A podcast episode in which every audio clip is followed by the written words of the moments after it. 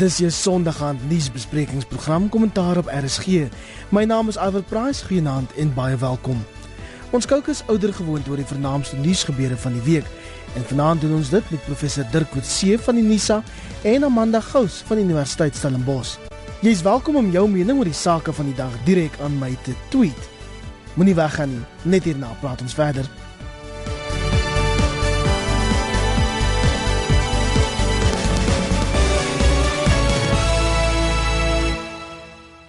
Kollegas, die mosie van wantroue teen die spreker Baleka Mbeki is vir die derde agter in volgende week hoofnuus, deels omdat dit 'n helder lig skyn op die nasionale vergadering. En Dirk ons parlementslede het nie juis hulle beste voetjie voorgesit hierdie week ter in sy debat nie. Die optrede in die, in die nasionale vergadering is besig om baie op te warm. Ek moet dit al begin met die staatsrede vroeg um, na die kort na die verkiesing. Um, en ek dink een van die hoofredes daarvoor is is die optrede van die EFF. Ehm um, en as gevolg daarvan is is die word die DA in 'n groot mate nou ook ingetrek daaraan om om meer ek wil sê uh op op 'n hoër vlak te probeer uh aan aan uh deel te neem aan besprekings. Ehm um, ek dink een van die die punte wat te sprake is hier is dat aanvanklik was die fokus gewees op president Zuma, maar dis nou besig om na ander lede van die die topstruktuur van die ANC ook uit te brei. Eers was dit uh, nou vroeër in die week was dit Cyril Ramaphosa geweest um, en en nou ook natuurlik die speaker. Um, en sy was uh, die speaker se posisie was is verwant aan die vorige debat oor Nkandla um die wat op se beroemde donderdag waar die EFF van uh, uitgestap het uit die parlement het. So ek dink wat ons sien in die algemeen is is dat daar hoewel dit lyk asof dit baie ongeorganiseerd is en asof daar nie werklike 'n rigting is waar dit besig is om te beweeg nie asof deur dit alles wat plaasvind daar eintlik 'n nuwe dinamika aan ontwikkel ontwikkel is in die parlement wat nie noodwendig negatief is nie. Um, ek dink een van die aspekte wat meer na vore begin tree is is dat skielik is daar meer fokus op die op die parlement. Um, daar word ook meer aandag gegee aan die parlement. Mense begin selfs kyk na die parlementêre televisiekanaal wat in die verlede baie uh onopsigtelik was. Um en ek dink as as dit die uiteindelike gevolg van hierdie uh, ge, uh aktiwiteite gaan wees in in die optrede van die EFF en nou selfs van die ander partye, dan kan dit dalk goed wees. Maar in dieselfde asem Dirk het ek lanklaas soveel moddergooiery en slegsere gesien van mense wat as agbaar is aangespreek wil word. Wat het jy van die week se debat gemaak Amanda? Wat my absoluut verstom het is die feit dat nadat die oppositie uitgestap het, uh, die ANC die mosie van wantroue in Mbete verander het na 'n mosie van vertroue. Met ander woorde, hulle het dit nie net afgestem nie, maar dit verander en vir my is dit lyk dit is 'n poging van desperaatheid. Um dit is ook in 'n sin die ondermyning van die reëls. Um so Jy weet die die ANC beskuldig die EFF en ander partye daarvan dat hulle die parlement ondermyn, maar die maar die die ANC doen dit net soveel. Paleka Mabete het op die ehm um, op die parlementêre gronde bope polisie waar ehm um, die ondersteuners van die ANC toegespreek terwyl die debat oor haar gaan. Ek meen wat wat is 'n groter indikasie van uh eh, partydigheid as as daardie optrede? Um en ek met die feit dat die ANC mense ingebus het om hierdie parlementsitting by te woon en te raas in die galery en so aan is ek dink net absoluut ongehoord en dit ondermyn die statigheid van die van die parlement. Um nou verlede week het Gwedi Montashe in die Sunday Independent uit 'n hele groot halwe bladsy artikel geskryf oor die feit dat die ANC ondermyn word en dat al die kritiek altyd negatief is op die ANC en toe maak hy die argument dat dit wit mense is en 'n wit liberale koerante wat daarvoor verantwoordelik is.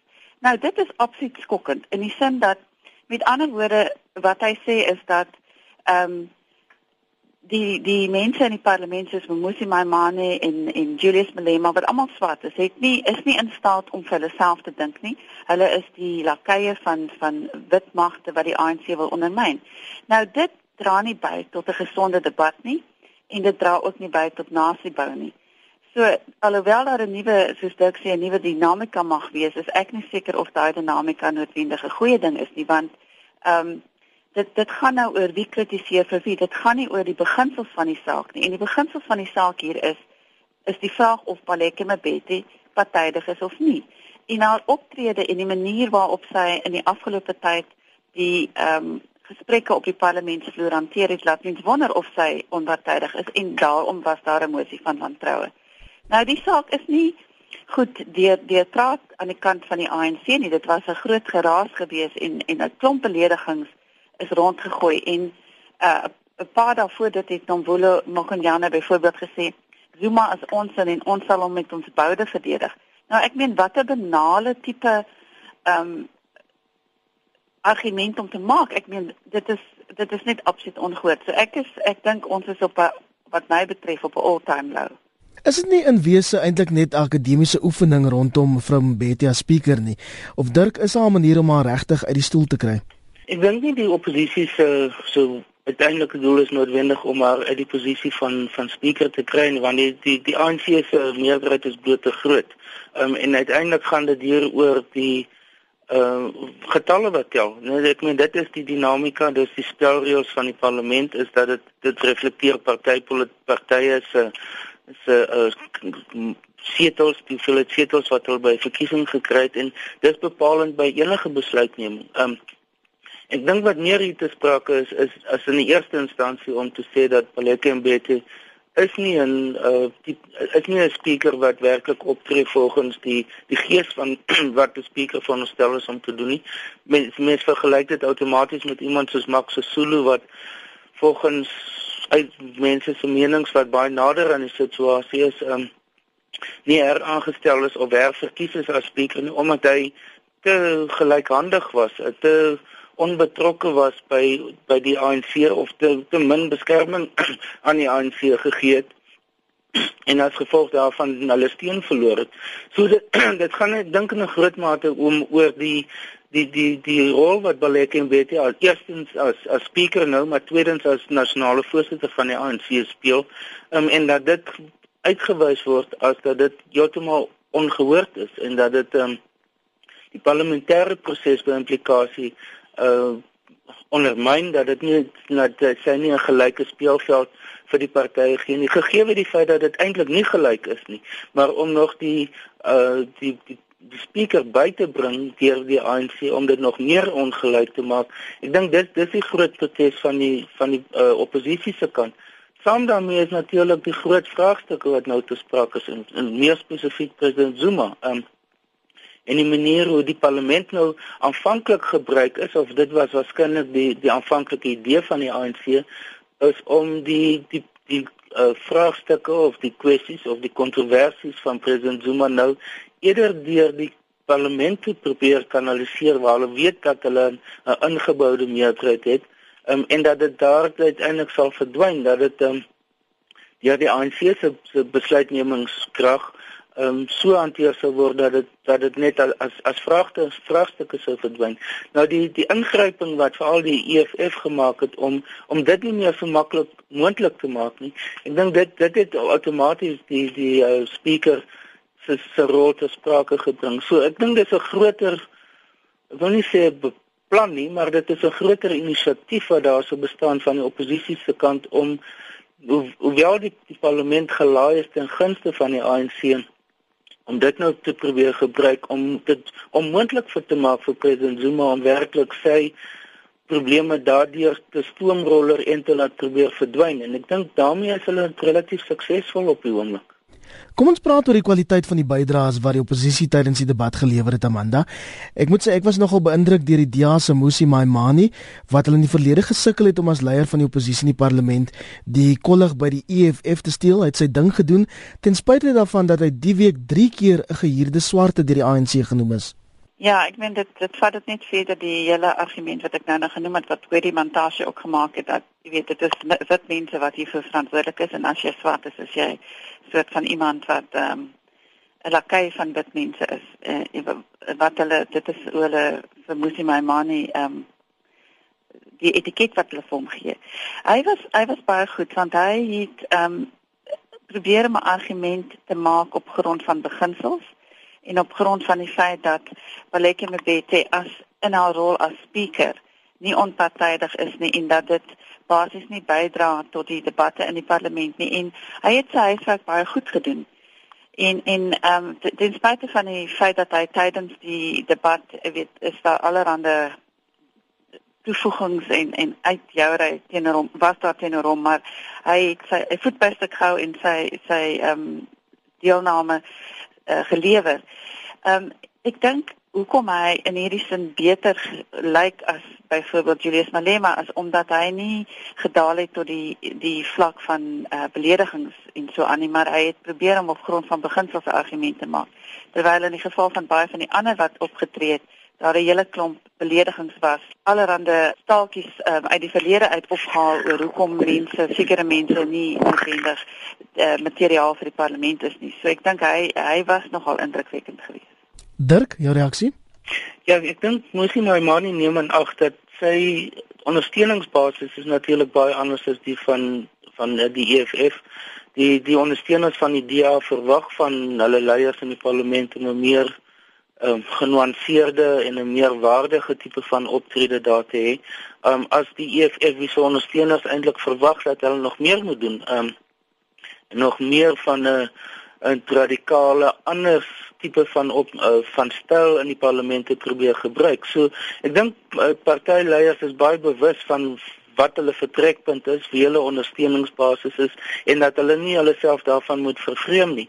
Nou ek dink Musi Maimani is is is baie is self baie bewus daarvan. Is goed om dit te artikuleer ook die die wyse waarop hy dit doen. Um wat byvoorbeeld die die die kwessie van 'n kantla en dan die die donderdag nou omtrent 'n maand gelede wat die EFF uitgestap het. Die DA het naaste by dieselfde standpunt gehad dat hulle ook daar aandring dat president Zuma die geld moet terugbetaal, maar hulle in steede daarvan om uit te stap en ons te sing um En hulle gesê hulle fokus moet wees op die ad hoc komitee van die parlement waardeur dit gevoer moet word. So dikwels is die standpunte nou deesdae baie dieselfde, maar die die die styl of die die instrumente wat hulle gebruik um, om dit te probeer bevorder of daarbey uit te kom is nog steeds baie verskillend van van van mekaar. Ehm um, wat natuurlik aan skiet goed gee vir die ANC om te sê wel die die die oppositie is besig om nou saam te kookus om saam te werk. Wat natuurlik enige oppositie se reg is wat eintlik veronderstel is om moet plaas te vind in. So in, in daardie opsig dink ek is daar 'n uh, en vir, vir baie mense is dit 'n onverwagte samekoms wat daar besig is om plaas te vind tussen die verskillende oppositiepartye. Um, en dat daar wel groter samewerking is, maar soos ek sê die die manier waarop hulle dit doen, dit is nog baie uiteenlopend van aard. As ons kan aanbeweeg na ander nuus en Nigerië se president Goodluck Jonathan het op laas die ramptoneel in Lagos besoek waar 'n gastehuis van die prediker TB Joshua 9 dae gelede ineengestort het. Die dodetal styg steeds. En Amanda ons het laas met die Helderberg ramp soveel Suid-Afrikaners op een slag verloor. Hoe dink jy die Suid-Afrikaanse regering dit die week hanteer? Gister is daar aangekondig dat die dodetal nou gestyg het tot 84 Suid-Afrikaners, so dit is nog hoër as wat dit was. Ehm um, ek dink die Suid-Afrikaanse regering is uh, hier besig met 'n groot diplomatieke oefening want die daar is hierdie ehm um, wetywering tussen Nigerië en Suid-Afrika op die kontinent as die twee groot ekonomieë en elkeen wil wys dat hy uh, sy eie land beter kan bestuur as die ander een. Ehm um, so dit al klaar dink ek is is vir die Suid-Afrikaanse regering moeilik om te sê wel ons weet hulle het gevra of hulle eh, 'n uh, sending kan stuur om te kom kyk. Die Nigeriese regering het gesê nee. So hulle moet deur die ehm um, die ambassade in Nigerië werk. Ehm um, en daar is natuurlik die die naasbestaandes van die mense wat vermis of dood is, is baie ongelukkig want hulle voel daar moet sterker opgetree word, maar in 'n sin is die Suid-Afrikaanse regering se hande vasgemaak. Ehm um, Nou uh, daar is nou sedert gister um, 30 Suid-Afrikaners opgespoor in verskeie hospitale wat dit wel oorleef het.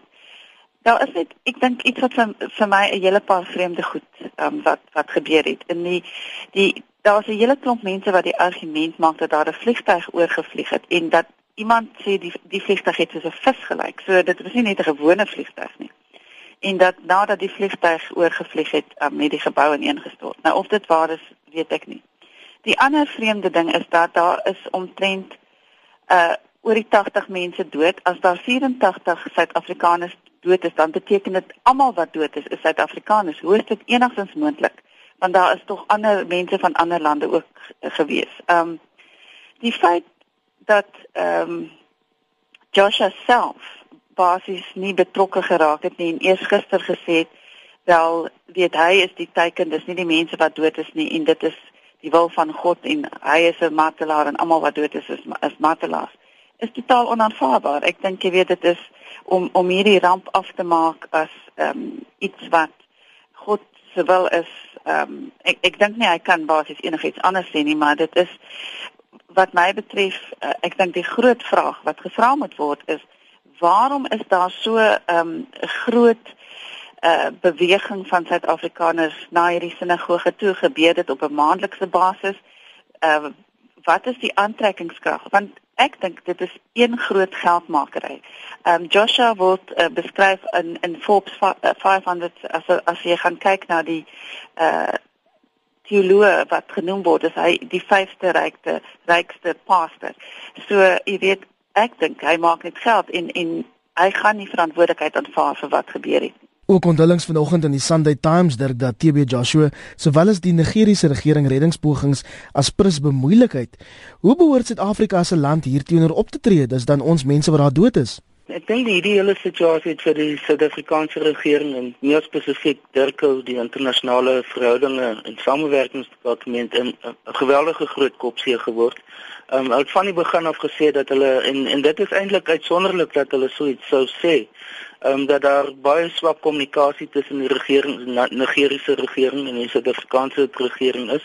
Ehm um, terwyl mense veronderstel as gevolg van al die samewerkings wat daar bestaan vanaf die vlak van die Afrika Unie en die feit dat Suid-Afrikaanse amptenare en en regeringspersone en Nigeriese regeringspersone mekaar baie dikwels sien en op 'n baie van 'n baie hoë vlak tot op 'n lae vlak saamwerk dat dit nie problematies hoef te gewees het maar ek dink dis die die punt wat Amanda maak is belangrik dat daar hierdie intense kompetisie tussen Suid-Afrika en Nigerië is oor baie aangeleenthede en dat daar baie diplomatieke insidente is byvoorbeeld oor immigrasie aspekte waar Suid-Afrikaanse departemente soos binnelandse sake en en en selfs Dirko um struikelblokke volgens hulle skep om te verhoed dat Nigeriërs na Suid-Afrika toe kom. Nou, so hoewel dit dis dis dit is dis verhoudings tussen twee belangrike state in Afrika is is die verhoudings nie altyd baie gemaklik en baie nou aan mekaar nie. Ehm um, en ek dink hierdie insident illustreer dit dat daar ten spyte van die op die oppervlakte lyk asof daar goeie verhoudings is, is daar daar af is dit 'n baie problematiese verhouding wat tussen die twee lande bestaan. Saam daarmee is die is die persoon van TB Joshua wat 'n addisionele dimensie inbring wat meer nou 'n godsdienstige kerklike is. Um en omdat daar soveel baie ondersteuners of volgelinge in Suid-Afrika is, beteken dit dat daar dat sy posisie eintlik tussen die twee is in dat hy eintlik in die kruisvuur is tussen die twee lande se diplomatieke verhouding. So dit dit raak maak dit nog meer gekompliseer. Um, ek dink wat wat ons gesien het die afgelope week is is dat die Nigeriërs nie met die Suid-Afrikaanse spanne wat daar of die spanne wat die Suid-Afrikaners daarin wou stuur dat hulle met hulle wil saamwerk nie. Dis duidelik dat laat Nigerië wil sê ons is in beheer van die situasie. Ons het nie eksterne hulp nodig nie. Meer spesifiek van Suid-Afrika het ons nie hulp nodig nie, um, want ons kan dit self doen. Ons infrastruktuur is goed genoeg om dit te kan hanteer. Ehm um, en dan natuurlik ook het die het die kerk het nog nie werklik direkte kontak met die Suid-Afrikaanse regering gemaak nie. Hier was 'n afvaardiging vroeër in die week by Durban gewees, maar dit was Suid-Afrikaners wat namens die die die kerk uh, hier vir hulle gepraat het. So die die daar is nie werklik 'n 'n basis of 'n forum waarbinne hierdie situasie hanteer kan word nie. En ek ek dink dit illustreer in in wese dat die die kompeterende uh, verhouding wat daar tussen Nigerië en Suid-Afrika bestaan wat uh, ons weet byvoorbeeld met die verkiesing van uh, Dr. Dlamini Zuma het dit na baie sterk na vore gekom ook tussen die streeksverskille tussen Wes-Afrika en Suider-Afrika. So dit alles speel saam om hierdie situasie baie gekompliseer te maak. Ons bly in die buiteland en die Skotse eerste minister Alex Salmond het sy bedanking aangekondig nadat sy droom van Skotse onafhanklikheid deur kiesers in 'n referendum verwerp is. Jou indrukke oor die volksstemming, Amanda? Dit was eintlik baie na die eh uh, die ja nie in die nee stemme, maar die nee stemme het met uh, met 'n sekere maar klein marginaliteit eh uh, gewen. Ehm um, nou wat dit beteken is dat Skotland bly deel van die Verenigde Koninkryk Maar uh daar is beloof deur uh, Cameron die uh, premier van Brittanje dat daar groter desentralisasie van mag sal plaasvind en en dat ehm um, dit meer soos 'n federale tipe stelsel sal werk. Nou daar die die ehm um, detail van hierdie uh, beloftes uh, moet nog uitgewerk word. Maar ek dink die die die ekonomie van uh Engeland, Skotland, Wales en Ierland is baie nou verweef en vir een land om uh soort van uh, of een van hierdie groeperinge om onafhanklik te word sal noodwendig 'n impak hê um, op die ekonomie van die ander maar ook uh, daardie um, land sal moet wys dat hy onafhanklik kan bestaan. Nou een van die groot vrae wat gevra is uh, tydens hierdie referendum is as die nee stem wen hoe gaan dit werk vir die Europese Unie? Want dan moet die moet daar met Skot as Skotland nou 'n onafhanklike staat geword het moet dit as 'n onafhanklike staat ingelei word in die Europese Unie. Wat sal die geldeenheid wees en so aan? En dit is goed wat jare kan vat om om uit te sorteer. En en ek dink dit was ook een van die vrese by die mense wat nee gestem het is wat is die wat gaan dit beteken uh, vir die status van Skotland in terme van die Europese Unie Maar uh weet daar's mense wat sê as as dit nou nie uitwerk soos volgens die beloftes wat gemaak is nie, dan kan daar oor 5 of 10 jaar weer 'n referendum gehou word. So dit is maar 'n ding wat aangaan en ek dink um die die rede uh vir Skotland uh is nie die eerste keer wat dit basies vra vir onafhanklikheid nie. En mense is werklik verdeel oor oor wat hulle wil hê. Uh soos ons kan sien die die die uh, persentasie tussen ja en die nee stemme was baie klein. Dirk, jou reaksie? Ja, ek dink eerstens was die uitslag onverwags geweest en almal het volgens die meningsopnames het dit gelyk asof dit amper 50-50 verdeling het. Uiteindelik was dit 'n baie groter verdeling, 'n verskil van 10%, 55 versus 45% aan wat binne die Europese konteks 'n baie groot verskil is. Ek meen as dit sê maar 51 49 was, dit is meer tipies van van referendum uitslae in Europa of selfs ander plekke. So ek dink dit dit was onvoorspelbaar dat dit so groot verskil sou wees. Um, en ek ek dink een van die hoofredes wat gegee word vir, vir as verduideliking daarvoor is die rol wat Gordon Brown gespeel het reg aan die einde van die verkiesings of van die referendumveld tog in. Um, as 'n voormalige eerste minister, as 'n arbeidersparty eerste minister, maar terselfdertyd as 'n skot, het hy 'n werklike groot impak gemaak op reg aan die einde op op die proses. Sommige wou sê was dat hy eintlik baie beter was as sy tyd is as as eerste minister. So dit dit was lyk like my een van die faktore. Die ander belangrike faktor is is dat al die groot nasionale partye, dit beteken die die konservatiewes, die arbeiders en die liberaal demokrate was gekant teen onafhanklikwording terwyl die skotse partye soos die Scottish National Party en die Groen Party en die Sosialistiese Party was weer ten gunste daarvan. Dit lyk asof die die onderskeid tussen die twee standpunte baie op 'n generasie basis plaasgevind het dat die jong mense was ten gunste van onafhanklikwording en die ouer mense daarteen. Maar met die die feit dat die die stempersentasie 86% was, beteken dat 14-15% van die geregistreerde kiesers uiteindelik nie gestem het nie. En dit lyk asof die die wat nie gestem het nie oorwegend die pro-onafhanklikwording was uh, en dit die jonger kiesers was en dat een van die redes dis vir die groot persentasieverskil waarskynlik was as gevolg van dat die die pro-onafhanklikheidsgroepe nie so suksesvol hulle kiesers kon mobiliseer om te gaan stem nie. Um, ek dink dit dit lyk asof die die hoofoorweging uiteindelik die ekonomiese aangeleenthede was, die ekonomiese onsekerhede soos dit wat Mantla, uh, Amanda genoem het, um, oor die moontlike uh, uh, geldeenheid, um, die rol wat vorentoe wat olie gaan speel. Ehm um, en ek dink uiteindelik die die hoof of belangrikste gevolg van hierdie hele referendum proses ehm um, is dat die grondwetlike situasie in in die Groot Brittanje of Verenigde Koninkryk waarskynlik in die toekoms dramaties gaan verander. Waar dit altyd een van die beste voorbeelde van 'n unitaire staat was, is dit nou besig om oor te gaan na die van 'n meer gedesentraliseerde federale bedeling. Ehm um, En ek dink die, die die punt wat David Cameron aan die einde gemaak het na die uitslag bekend geword het, is waarskynlik een van die belangrikstes deur te sê dit wat nou met Skotland plaasgevind het en die beloftes wat daar aan hulle gegee is, heel moontlik ook aan Engeland en aan en op Wales van toepassing gaan wees wat beteken dat daar heeltemal 'n nuwe bedeling in die pipeline is. Maar dis alles afhangend van of die konservatiewes volgende jaar die algemene verkiesing weer kan wen. Um, as die arbeiders dit wen, is baie van hierdie uh voorspellings of beloftes um is is nie bindend op hulle nie. So uh, dit is dit gaan baie interessant wees om die Britse politiek vorentoe dop te hou. Interessant hoe sekere plaaslike kommentators na die referendum gekyk het Amanda. Ek het byvoorbeeld parallelle gesien tussen die Skotse verwikkeling en die Afrikaner en dan ook die stryd van minderheidsgroepe wêreldwyd. Het jy enigiets daarvan raak gelees?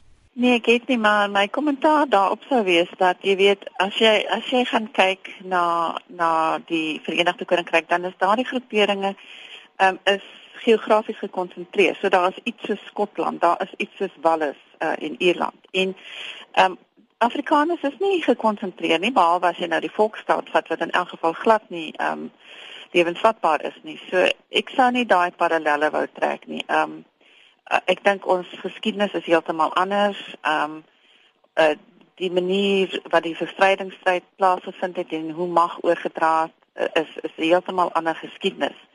Ehm um, ek ek en ek dink nie jy weet die idee dat ons nou weer begin kyk na die idee van 'n volksstaat vir Afrikaners is iets wat uh, wat bevorderlik is vir die hele politieke kwessie in Suid-Afrika. Dirk Ek dink dis moet 'n onderskeid maak tussen die idee van minrede en die idee van sekere streeksidentiteite. Ek dink die die Skotse voorbeeld is meer vergelykbaar met byvoorbeeld Quebec in in in uh, Kanada of Katalonië in in Spanje, rondom Barcelona spesifiek. Ehm um, wat wat daar nou weer 'n opwelling is van nasionalistiese gevoelens um, en waar daar in sommige gevalle as die idee van onafhanklikwording nie suksesvol is nie soos in al hierdie gevalle uh, dan gaan dit dan die tweede opsie is die van streeksautonomie of hoë mate van streeksautonomie maar sou iets het ons in Suid-Afrika is dit nie ter sprake nie want soos Amanda sê ons is nie daar's nie gekonsentreerde bevolkings ehm um, verspreidings op streeksbasis nie of op uh, veral in die meer uh, la, uh, stedelike gebiede nie. So dit is daar is dis nie daardie sterk parallelle nie, maar die idee van van minderheidsregte is iets wat in die Europese konteks nou meer en meer prominent word en byvoorbeeld om nou 'n lid van die Europese Unie te word vir vir nuwe lede soos Turkye of ander lande, moet hulle sekere waarborge verskaf oor hoe hulle minderhede sal hanteer. Dit so dit word baie meer prominente uh, vereiste vir landsregerings in die algemeen.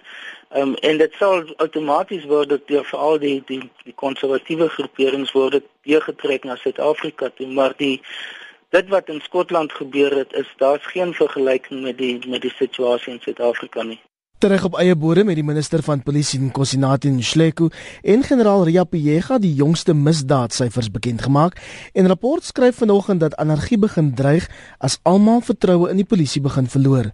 Het ons regtig daardie punt bereik Amanda? Ja, ek weet dit lyk glad nie goed nie. Omtrent in al die kategorieë is die uh die misdaad op en veral moord is is op Uh die enigste ding wat af is is uh, en op nasionale vlak is kapings, maar as jy gaan kyk na byvoorbeeld verskillende provinsies dan is daar uh, in sommige provinsies is kapings op. Die ander situasie is dat ons weet werklik nie ehm um, dit dit sê dat seksuele misdrywe af is, maar die die probleem is dat met seksuele misdrywe uh, word verkrachting en aanranding en allerlei goed word saamgevlans in een een kategorie. So ons weet nie werklik wat die statistiek vir byvoorbeeld verkrachting is nie. Maar ons weet dat dit een van die mees ondergerapporteerde misdaad is wat daar is. So ons weet dit is glad nie betroubaar nie en ek daar word baie vrae gevra oor hoe betroubaar is die misdaadstatistiek um, wat die polisie elke jaar um, vrystel. Maar die feit dat dat die statistiek op is in meeste van die kategorieë. Ehm um, dink ek is baie kommerwekkend dit dit uh, gee, dit laat dit lyk asof die polisie nie in staat is om uh dit dit dit staat onder beheer te kry nie.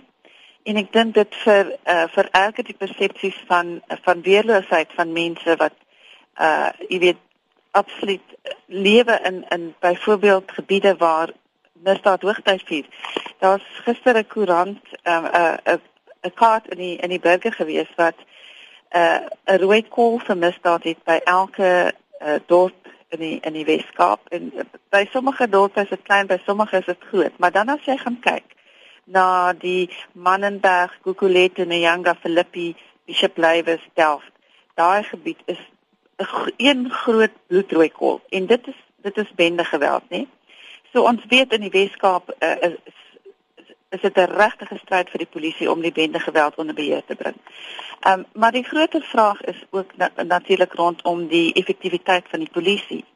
Ehm um, en ons weet dat dat Ria Piega is uh, sy is baie beleed op die oomblik dat allerlei aanvalle op haar as die kommissaris van polisie en en mense wonder tot watter mate uh, sy en die nuwe minister van polisie in staat gaan wees om ten minste uh, die effektiwiteit van die polisie uh, onder die onder die loop te neem en dit te dit te bevorder, weet opleiding te verander.